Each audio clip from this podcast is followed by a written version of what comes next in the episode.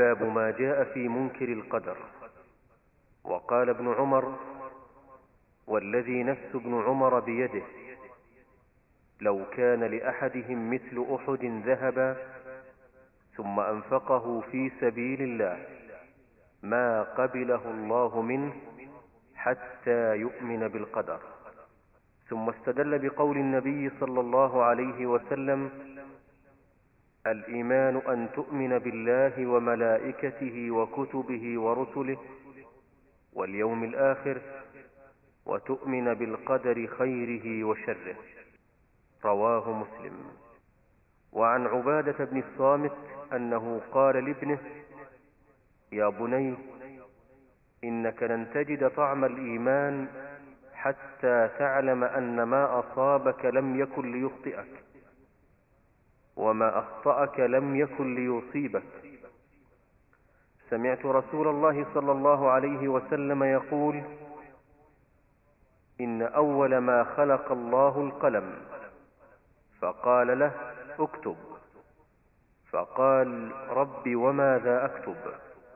قال اكتب مقادير كل شيء حتى تقوم الساعة. يا بني سمعت رسول الله صلى الله عليه وسلم يقول من مات على غير هذا فليس مني. وفي رواية لأحمد إن أول ما خلق الله تعالى القلم فقال له اكتب. فجرى في تلك الساعة بما هو كائن إلى يوم القيامة. وفي رواية لابن وهب قال رسول الله صلى الله عليه وسلم فمن لم يؤمن بالقدر خيره وشره أحرقه الله بالنار. وفي المسند والسنن عن ابن الديلمي قال أتيت أبي بن كعب فقلت في نفسي شيء من القدر. فحدثني بشيء لعل الله يذهبه من قلبي. فقال لو أنفقت مثل أحد ذهبا ما قبله الله منك حتى تؤمن بالقدر وتعلم أن ما أصابك لم يكن ليخطئك وما أخطأك لم يكن ليصيبك. ولو مت على غير هذا لكنت من أهل النار. قال فأتيت عبد الله بن مسعود وحذيفة بن اليمان وزيد بن ثابت فكلهم حدثني بمثل ذلك عن النبي صلى الله عليه وسلم. حديث صحيح رواه الحاكم في صحيحه. الباب فيما يتعلق بالقدر. لما كان الإيمان بالقدر من أصول الإيمان وضع المؤلف هذا الباب في كتاب التوحيد لأن ذلك مما يحصل به التوحيد وينتفي به الكفر ولهذا قال باب ما جاء في منكر القدر من الوعيد الشديد والتحذير الأكيد من إنكاره والتكذيب به. قد كان المسلمون في عهده صلى الله عليه وسلم قد آمنوا بالقدر سلموا لله أمره. ثم نبغ سابقة بعد ذلك في آخر عهد الصحابة وبعد ذلك فأنكروا القدر وقال الأرض أنف وزعموا أن في إثبات القدر خلافا للعدل وكيف يقدر الأمور ثم يعاقب العاصي والكافر على ما فعل جهلا منهم وضلالا والتباسا بالامر عليهم. أما أهل الحق من أهل السنة والجماعة من أصحاب النبي صلى الله عليه وسلم ومن سار على نهجهم فقد آمنوا بالقدر وصدقوه وأن الله قدر المقادير وكتبها سبحانه. فلا يقع في ملكه ما لا يريد. بل قدر كل شيء وأحصى كل شيء وهو العالم بكل شيء. وكان الإمام الشافعي رحمه الله محمد بن زيد الشافعي رحمه الله يقول في شأن القدرية ناظرهم بالعلم فإذا قروا به مسلموا وإن أنكروه كفروا. والمعنى يقول له هل الله يعلم الأشياء قبل وجودها؟ فإذا قالوا نعم يعلمها قبل وجودها فهذا هو القدر هذا هو القدر أن الله علم الأشياء وكتبها عنده ويعلمها قبل أن تقع. يعلم من يكفر ومن يعصي ومن يؤمن يعلم كل شيء سبحانه وتعالى. فإن أنكروا وقالوا لا يعلم كفر. لأنه في هذه الحالة نسبوا الله إلى الجهل. والله يقول إن الله بكل شيء عليم. اعلموا أن الله على كل شيء قدير وأن الله قد أحاط بكل شيء علما فمن نسب ربه إلى الجهل وأنه لا يعلم الأشياء فقد طعن في غاية طعن وتنقص غاية التنقص فيكون كافرا.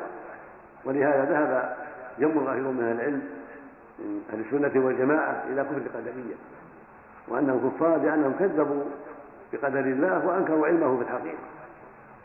وصح عن رسول الله صلى الله عليه وسلم قال في حديث عمر لما سأله جبرائيل عن الإيمان قال أن تؤمن بالله وملائكته وكتبه ورسله واليوم الآخر وتؤمن بقدر خيره وشره. وقد دل على هذا كتاب الله حيث قال سبحانه وتعالى ما أصاب المصيبة في الأرض ولا في أنفسهم إلا في كتاب. من قبل أن نبرأها إن ذلك الله يسير. قال سبحانه ألم تعلم أن الله يوسع إن ذلك في الكتاب. إن ذلك على الله يسير.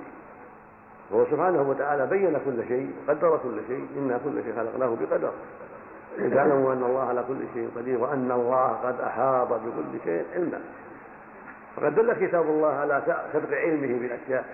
وهذا هو التقدير وهذا هو القدر. ودلت السنة على ذلك. فمن أنكر ذلك وزعم أنه لا قدر.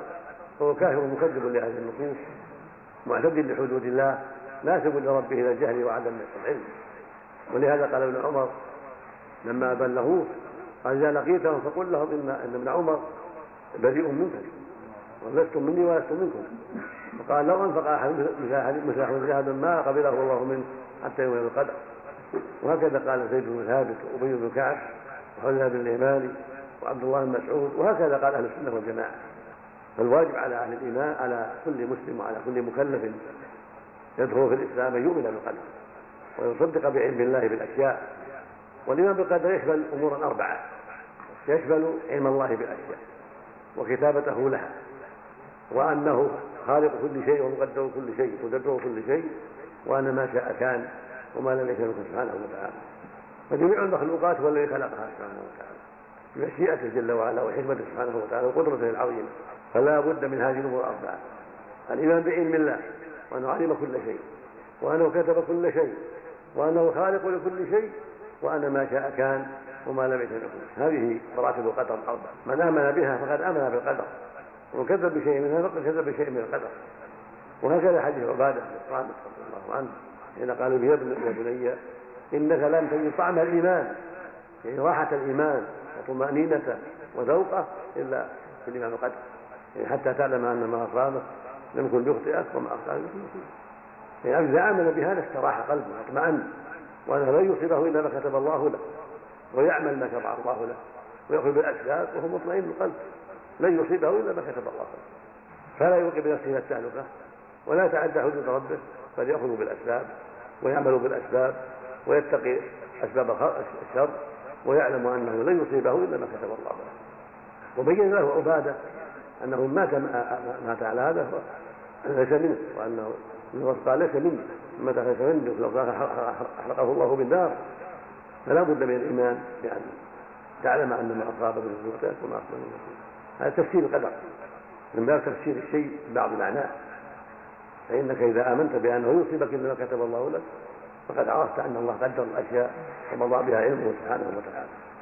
وهكذا سأل ابن الديلمي وعبد الله بن الديلمي بن هرود الديلمي تابعي معروف يعني سأل زيد بن ثابت وأبي بن كعب وحذيفة بن اليمان وابن مسعود عن ذلك فأخبروه أنه لن يؤمن بالقدر وأنه لو أنفق مثل أحد ذهبا ما قبله الله من حتى يوم القدر وأنه لا بد من الإيمان بالقدر وإلا فإن أعماله حاضرة وهذا يدل على أنهم اعتقدوا وأرادوا أنه يكفر بذلك.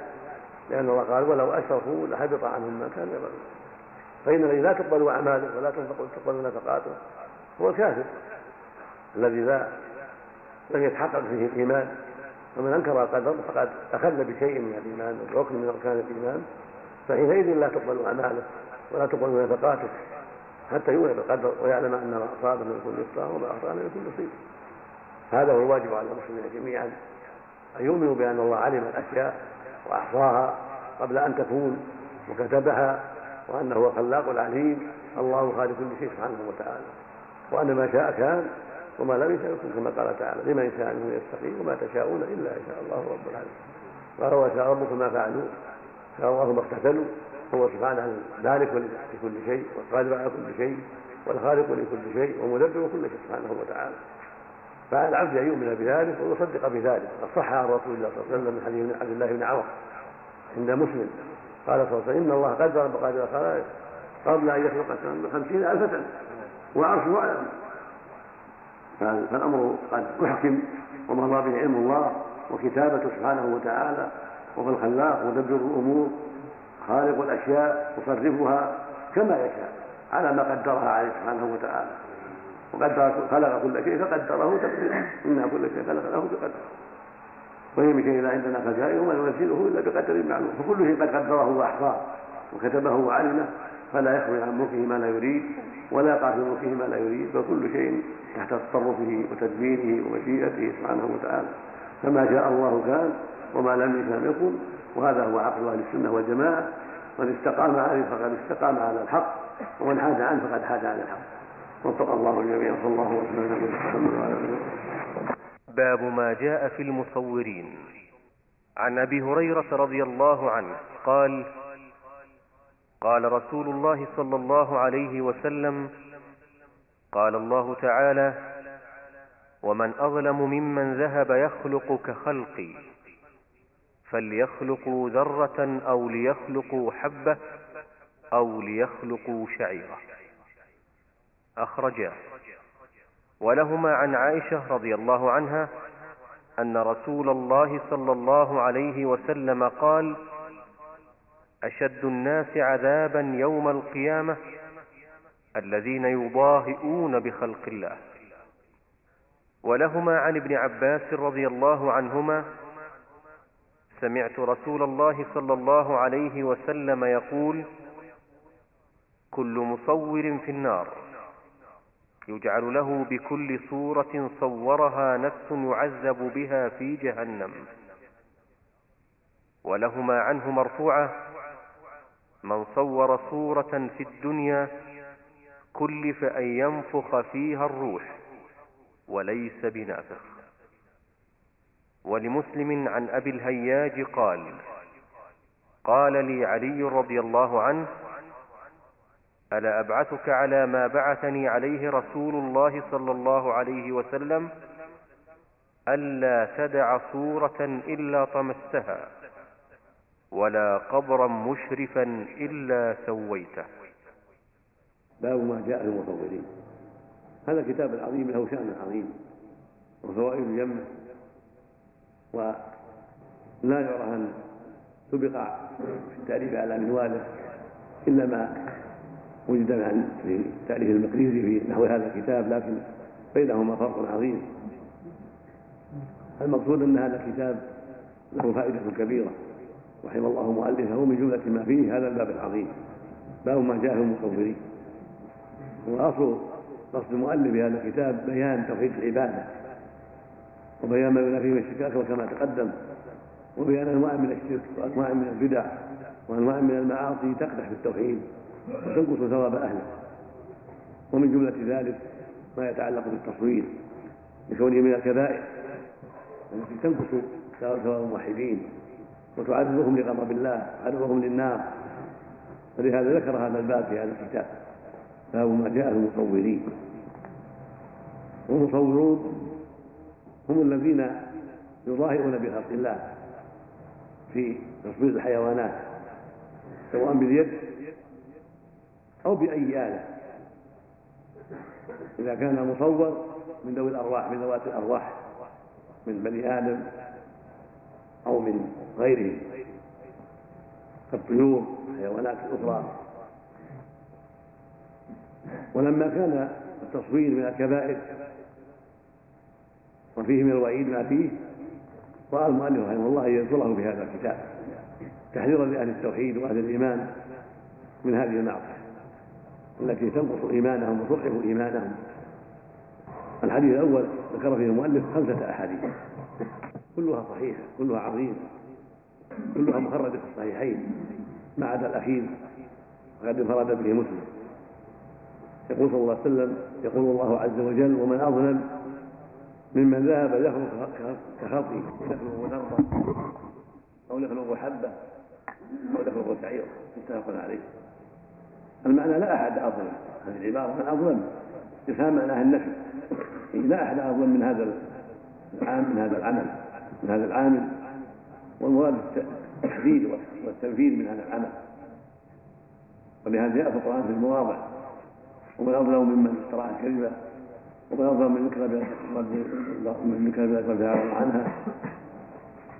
إلى غير من الآيات التي فيها هذا الاسلوب العظيم المحذر المنفر من العمل الذي ذكر في هذه الآيات. وهكذا هنا. يقول الله عز وجل ومن أظلم ممن ذهب يخلق كخلقه يصور كتصويره فليخلقوا ذرة إن كان عندهم قوة فليخلقوا ذرة من هذه الذرات المعروفة. يكون لها صفات هذه الذرة من العقل والشم والمشي وغير ذلك من خصائصها. وهي حيوان صغير لكن فيها عجائب هذه الذره وغرائب فإن كان عندهم قدرة فليخلقوا ذرة أو أو يخلق حبة لها شأنها في الإنبات والنفع للناس أو شعيرة. فإذا كان حتى في الجماد قد يعجزون عن هذا الشيء فكيف بالحيوانات؟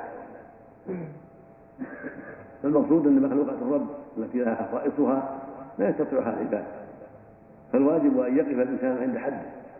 وأن يتقي الله في ذلك وأن يحذر أن يقع في محارم الله فيهلك ويخسر الدنيا والآخرة.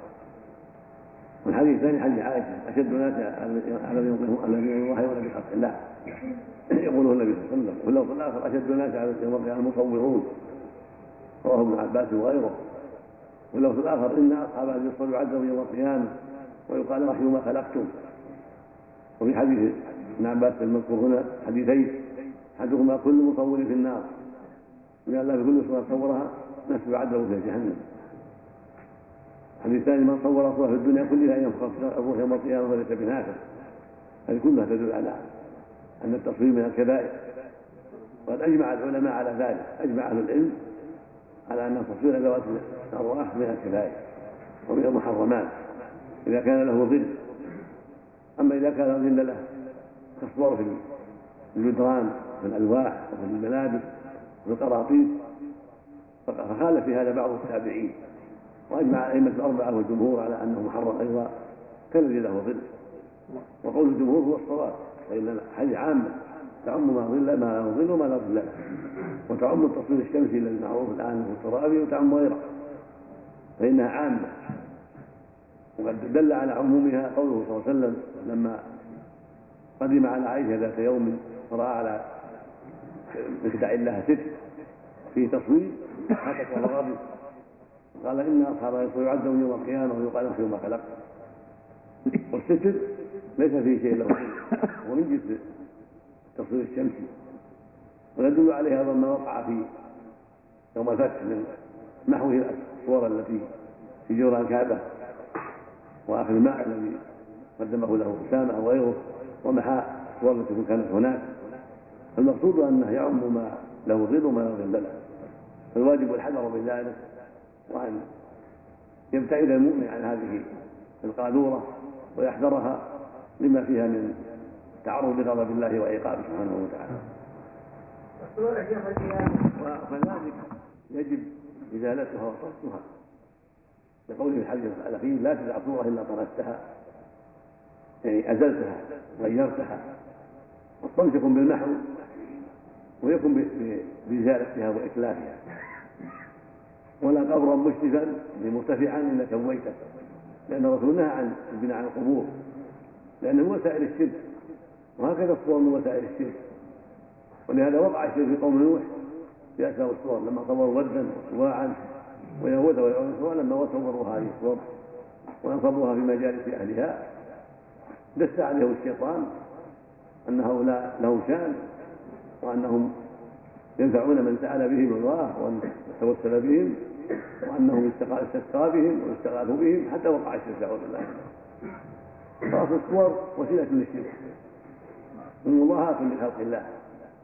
والبناء على القبور كذلك وسيلة للشرك وتعظيم الموتى كما قد وقع ذلك من الناس. لما صوروا ولما بنوا وقع الشرك. فالواجب الحذر الواجب على ولاة الأمور وعلى عامة الناس الحذر من هذه الأشياء والبعد عنها طاعة لله ولرسوله وحذرا من إيقاع الناس في الشرك ووسائله التي وقع فيها من قبلنا من قوم نوح وغيرهم. أما ما يتعلق بما وقع فيه الناس اليوم من من حاجة إلى بعض الصور هذا يقيد بقيده. من باب الإكراه يعني اضطر إلى ذلك وهو من باب المكره على الشيء. في أخذ حفيظة النفوس أو ما أشبه مما قد يضطر إليه. فيأخذ ذلك وهو غير راض وغير كاره لهذا الشيء. لكن للضرورة إليه. وهي أيضا تمنع دخول الملائكة كما في الحديث الصحيح. لا فما فيه صورة ولا كلمة لكن يستثنى من ذلك ما يكون ممتهنا. ولا يجوز تصويره ولا ممتهن لكن إذا استعمل ممتهن في الفراش لا يمنع من دخول الملائكة. كما أن الكلب الذي للحرث والزرع والماشية لا يمنع من دخول الملائكة لأنه مأذون فيه ورخصوا فيه. فهكذا ما استعمل في ما يمتهن لا يمنع من دخول الملائكة. لكن لا يجوز تصويره ليس للمصور يصور لكن لو اشترى البساط وبسطه ونحوها كالوسادة هذا لا يجوز لأنه ممتهن وفق الله الجميع العظيم وصلى الله وسلم على نبينا محمد وعلى آله لا ما في هذا. يكفي الجهاد؟ دون الصورة وأشرطة الفيديو من ناحية نصور شيخ السلام عليكم. السلام السلام عليكم. ورحمة الله وبركاته أشرطة الفيديو المجاهدين ما ينبغي يصور هذا ما ينبغي يصور كتاب المقريز طبعا لا كتاب التوحيد. كتاب التوحيد. هذا موجود مطبوع لكني قراته كل قرأت من أبواب قديم على على ما والله أظن ما ما لا يعني فيه قبل لكن ما أتذكر الآن. قرأتها قديم فيه ملاحظات. في هذا المعنى هو طول فيظل ننتبه إن شاء الله. السلام عليكم. من رسالة بعض السلام عليكم. ننتبه إن شاء الله. السلام عليكم. من أظلم ممن على سجد ويذكر في أسمه. يأتي تعبير آخر. ومن أظلم في آية أخرى ومن أظلم. وش فيه؟ على قوله هنا ومن أظلم من خلق خلقه ومن أظلم كل مقابل له ما يناسب. كل مقابل له كل يدل على التحريف. من أظلم تدل على شدة التحريف. لكن النص الآخر يقول كان هذا يقول لا أظلم منه والنص الآخر يقول هذاك لا أظلم منه. بمعنى من أظلم لا صيغة مبالغة. استفهام معناها النفي. من قال من المعاصرين ان الصوت الشمسية عكس الحث للظلم والله لا لا أشهد ما نعرف. هذه المكابرة هذه مكابرة أقول مكابرة هي صورة. الفيديو الآن عشان ما فيها تصور ولا شيء. الفيديو ما أدري. وما أدري يعني إذا كان الشريط أسود ما في صورة أبدا ولا شيء. لكن شيخ يزعم بعض الناس أن خوف من الشرك من التصاوير في الزمن الماضي اليوم أشد الخوف اليوم أشد على الله يقول من تطور المفروض ما تصوروا فكفر هذا معنى إذا كانت الصور والتماثيل عند كل الناس هذا الحمد بعض الإخوة يهون الجنب التصوير فيجيبوا بعض الحيوانات والطيور ويحنطوها ويحفظوها في البيوت. هذا ما ينبغي لا. لا تشبه الصور نعم هذه إضاعة أموال بلا فائدة. نعم. هذه قد قد لا لا لا قد يعني يحتج بها بعض الناس يحسبها صور. يتأسى نعم. وقد يعتقدون فيها أيضا ثم يعتقد بعض الناس إنها تمنع الجن تمنع كذا لا ما خير لا خير فيها. تقبيل النساء. نعم. تقبيل النساء. الصواب إنه ما ينقض إذا كان ما خرج فيه طيب حديث عائشة. هذه الشجاع يعني يقبل بعض النساء ثم يصلي ولا يصلي ما بغيت يا شيخ لا هو صحيح الصور التعليمية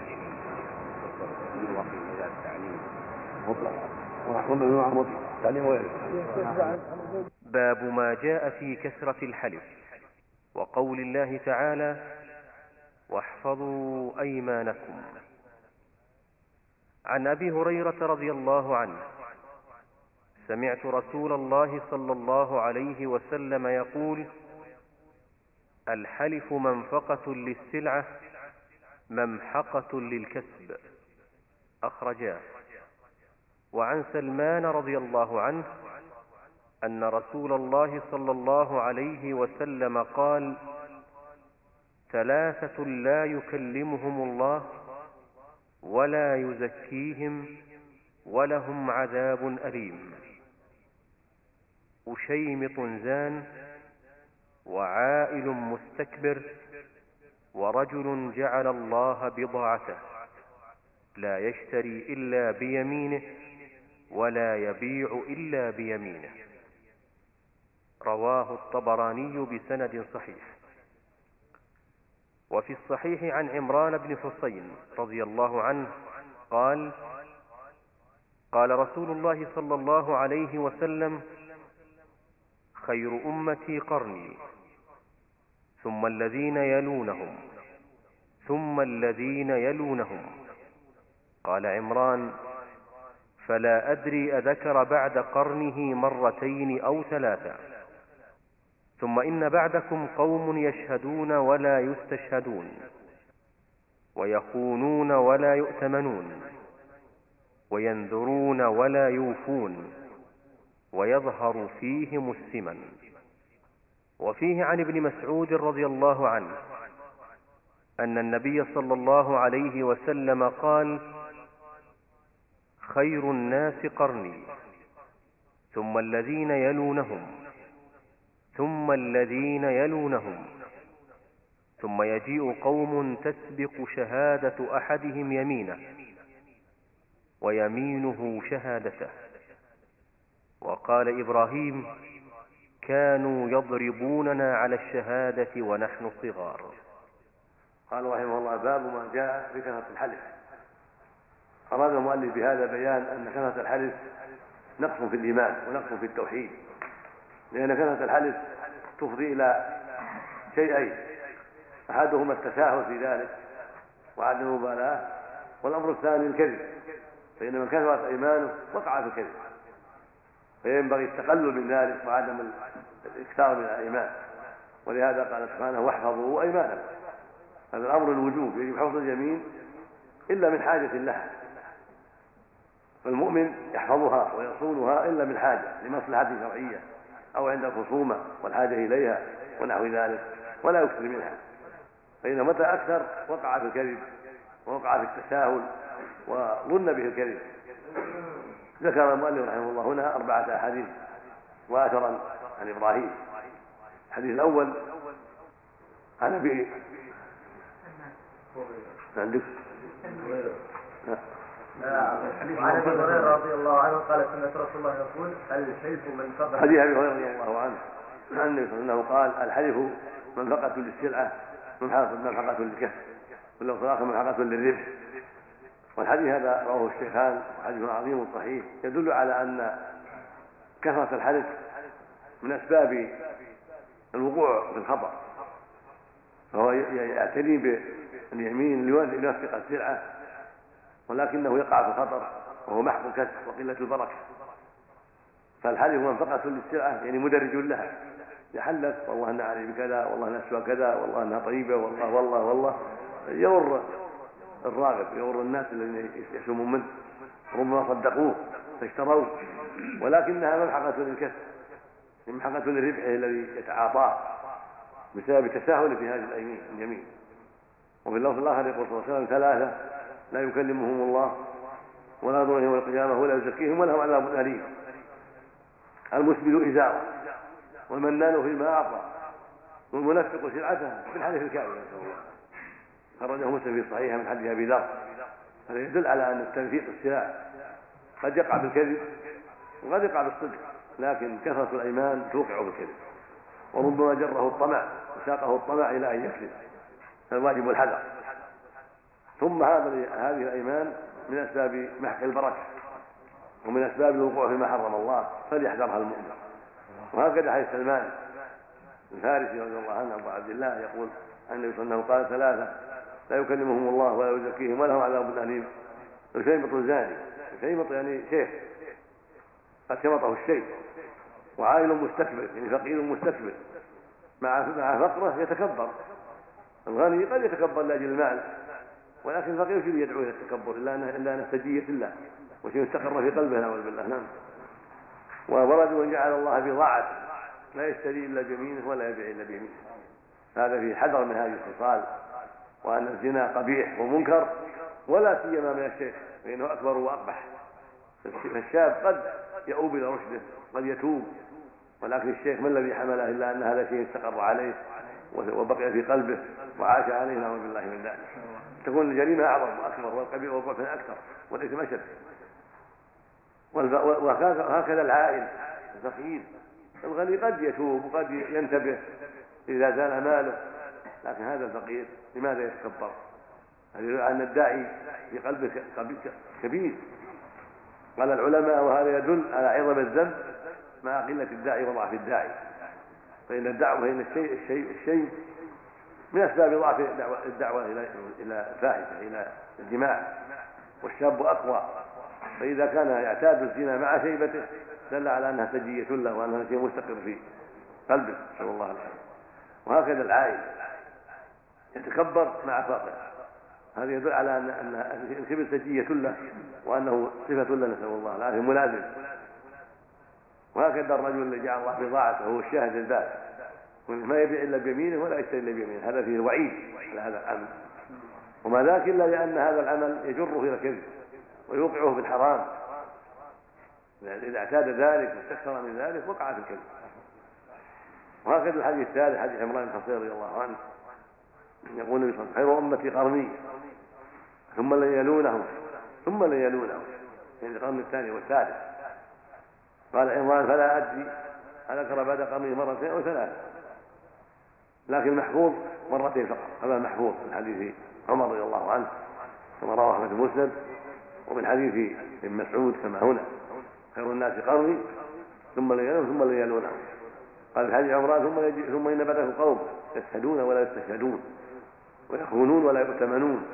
وينذرون ولا يوفون ويغرون يستمعون. يتغير الأحوال بعد القرون المفضله الثلاث تتغير الأحوال حتى توجد الخيانه ويوجد عدم الوهاب بالنذر ويوجد شهادة الزور.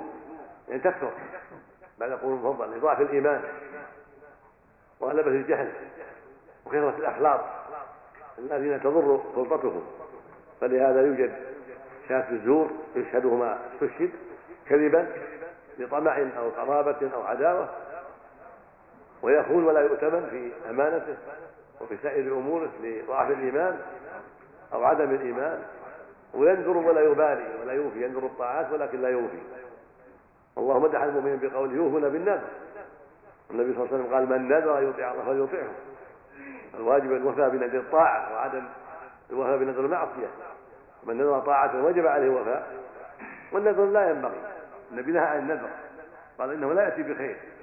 قال لا تنذروا. فان النذر لا يرد من قدر الله شيئا.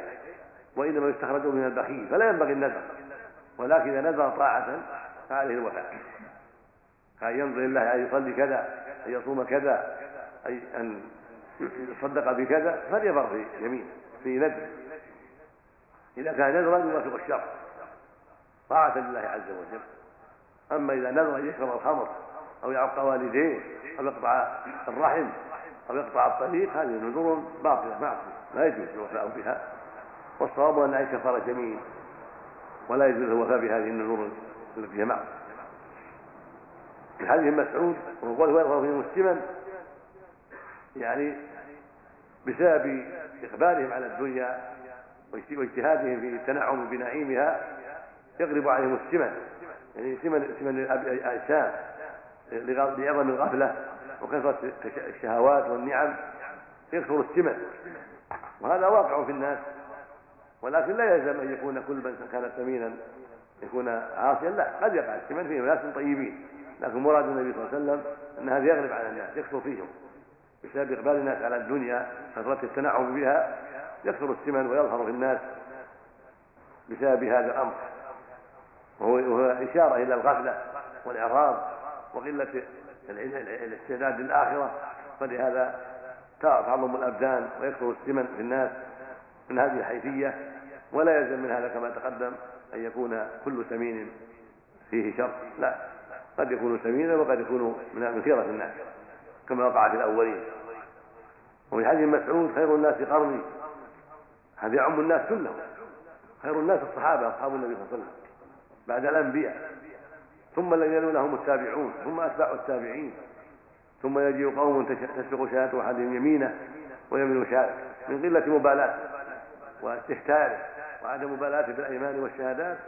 لا يبالي يشهد أو يحلف لقلة إيمانه وضعف إيمانه أما المؤمن لا يجب اليمين يجب الشهادة ولا يشهد إلا عن صدق ولا يحلف إلا عن حاجة. قال إبراهيم يعني النخعي إبراهيم يزيد النخعي تابعي صغير رحمه الله يقول إنهم كانوا يضربون على الشهد والعهد في الصغار إن كان السلف يؤدبون أولادهم اذا اشهد ويحلف ويقول عهد الله يضربون حتى لا يعتاد هذا إذا كبر فيسهل عليه الأيمان الهاجرة والعهود الظالمة والشهادة الرديئه يعني يؤدبونهم ويوجهونهم حتى لا يتكلموا بهذا إلا على بصيرة لأن الصبي إذا اعتاد هذا في صغره قد يتساهل به في كبر في كبر ولا يتحرى الصدق. وهذا من دلائل عناية السلف بالأخلاق الفاضلة وحرصهم على تربية الأولاد على الأخلاق الكريمة والصفات الحميدة.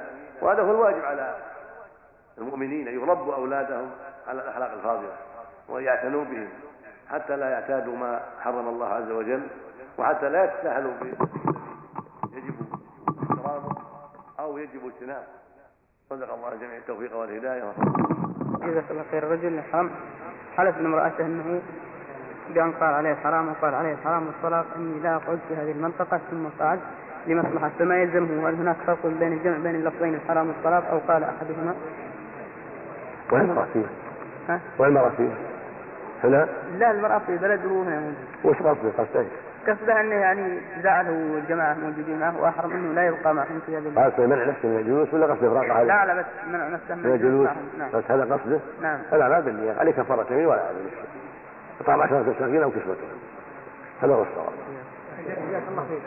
فيها رجل له جدة اسمها رمالة وماتت يسأل هل يدعو الله سبحانه وتعالى لها تدعي علم الغيب تقول جارتها بيدي كذا تدعي تقول إذا سافر المسافرون يعني آه، سيحدث لهم كذا وسيأتي كذا لا لا. لا يدعى لها هذه كافرة. وتدعي علم الغيب ما مقدار طعام في المسكين نص صاع 30 ونص تقريبا